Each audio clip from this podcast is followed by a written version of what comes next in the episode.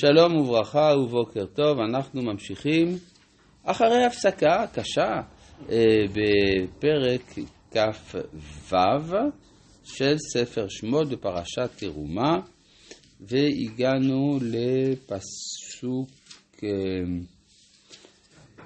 י"א לא, לא, לא, לא, לא, לא.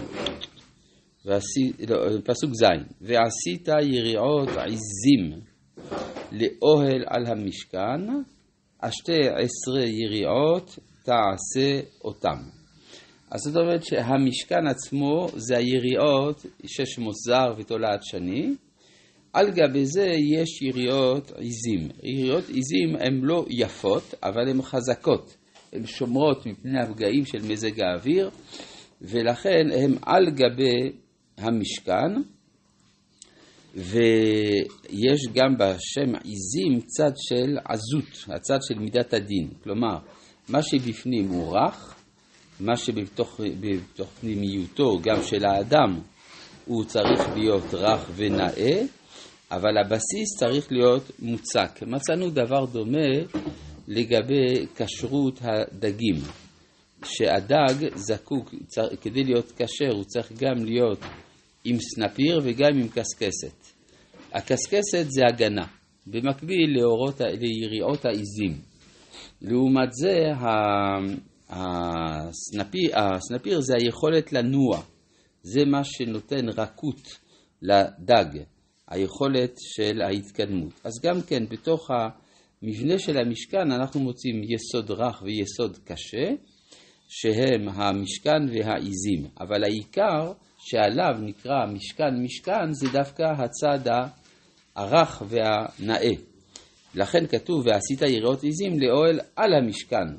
השתי עשרה יריעות תעשה אותם. השתי עשרה, כוונה אחד עשרה, זה המספר של, ה, אה, של ה, מה שמצרפים אליו את העזות, כמו שלמשל מצאנו בפיתום הקטורת, שיש 11 סמנים היו בה, אחד מהם נותן ריח רע, החלבנה, אלא שבהצטרפותו אל שאר החומרים שמהם עשויה הקטורת, אז הוא מוסיף את המעלה שלו, כמו כן גם ביריות העיזים. כן, המספר 11 מראה שדבר שהוא עזות לבדו, לא היינו מסתפקים בו, אבל כיוון שהוא לאוהל על המשכן, אז הוא מקבל ערך. השתי עשרה יריות תעשה אותם.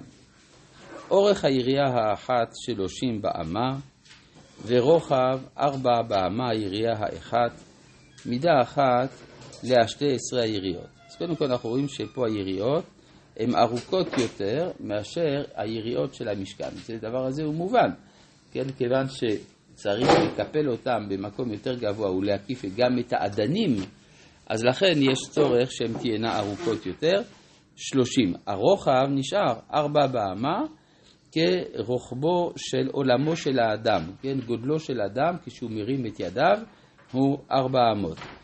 30 אמה זה, ה... זה ה...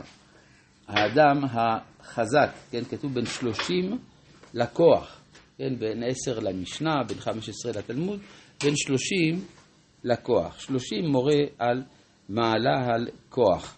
כמו שמצאנו, אה, זה כי זה שלוש פעמים עשר.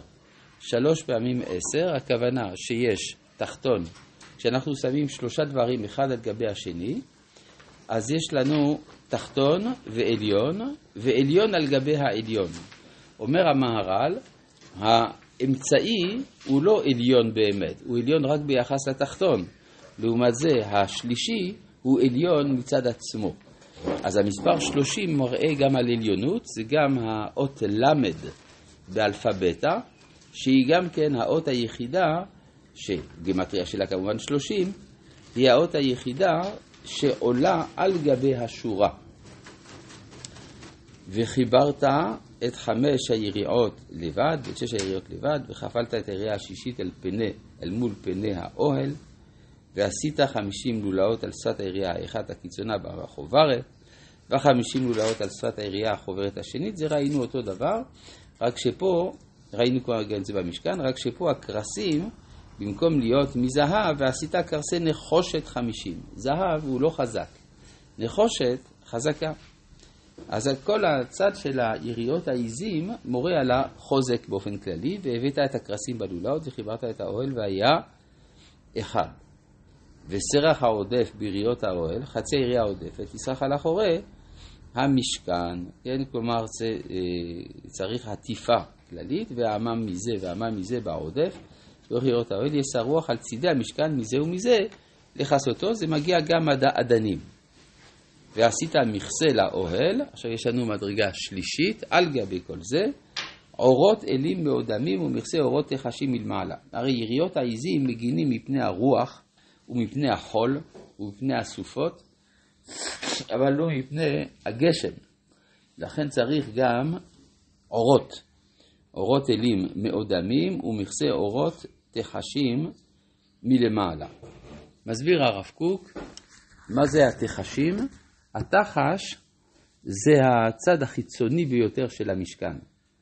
כמו כן גם בקודש יש צד פנימי, יש צד קרוב אל הפנימי ויש צד לגמרי חיצוני. אז uh, התחש, אף על פי שהוא נאה, ואורות האלים הם נאים, הם מציינים את צד הקדושה, מה שעומד מחוץ לקודש, כלומר ההערה של קדושת ישראל בתוך הדתות שיצאו מקרב ישראל.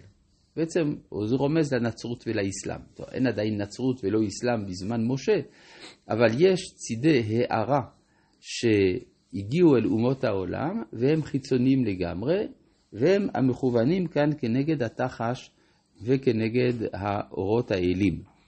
עכשיו נשאלת השאלה, אה, האם זה טוב או זה לא טוב שיש הצדדים האלה. כן, הרי הדתות שיצאו מן היהדות עשו לנו הרבה צרות, ואז נשאלת השאלה, האם אנחנו מרוצים מזה או לא. אז תמיד יש משהו אמביוולנטי ביהדות ביחס לזה. הרמב"ם אומר, למשל, הנצרות היא עבודה זרה למהדרין. מצד שני, זה מקדם את המשיח, כי זה מפיץ את הרעיונות התנ"כיים בעולם. אז יש תמיד צד אה, אה, לשני הכיוונים, וזה מה שהתכוונו חז"ל שאמרו, שהתחש לא הצליחו חכמים להכריע האם הוא חיה או בהמה, ואם הוא חיה, האם הוא חיה טהורה או טמאה, כי כל זה בעצם נשאר אה, לא מבורר. כן, כמו למשל הנושא של שיתוף לבני נוח, שמרן כותב שאסור, הרמה כותב שמותר. אז זה מה שנקרא לא הצליחו, לא הכריעו חכמים בדינו.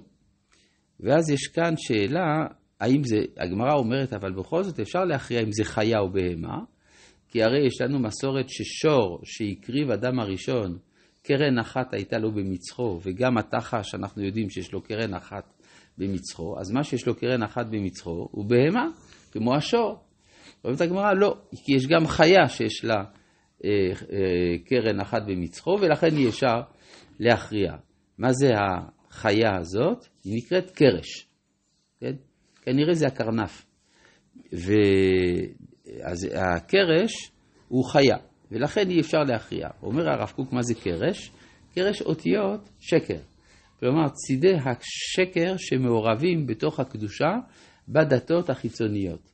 שאנחנו מוכנים להשלים עם קיומו של הקצת שקר הזה, כי יש גם תפקיד בעולם עבור האומות לדתות האלה. אז זה הצד של, ה, של או חיה או בהמה. עכשיו, אם זה חיה, אז זה לא באחריותנו. חיה גר, חיה לבדה מחוץ לעולמו של האדם, אז כך גם הדתות האלה מתפתחות מצד עצמן בעולם על פי השגחה עליונה, אבל לא לפי אחריות שלנו.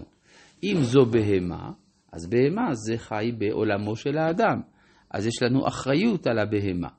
כן? כך ששוב אנחנו במצב של אה, מבוכה מסוימת ביחס ליערות הקודש שנמצאות, שבאות מתוך היהדות, אך הן פונות אל החוץ. זה אה, יכול להיות גם שזה הכוונה, בין, כיוון שהמכסה עשוי גם מאלים וגם מאורות תחשים, שזה מכוון לשתי הדתות שיצאו מן היהדות, בכוונה לאו דווקא לדתות האלה עצמן, אלא היכולת של הדתות האלה להופיע במציאות. אז זה ועשית מכסה לאוהל, אורות אלים מאודמים, ומכסה אורות תחשים מלמעלה.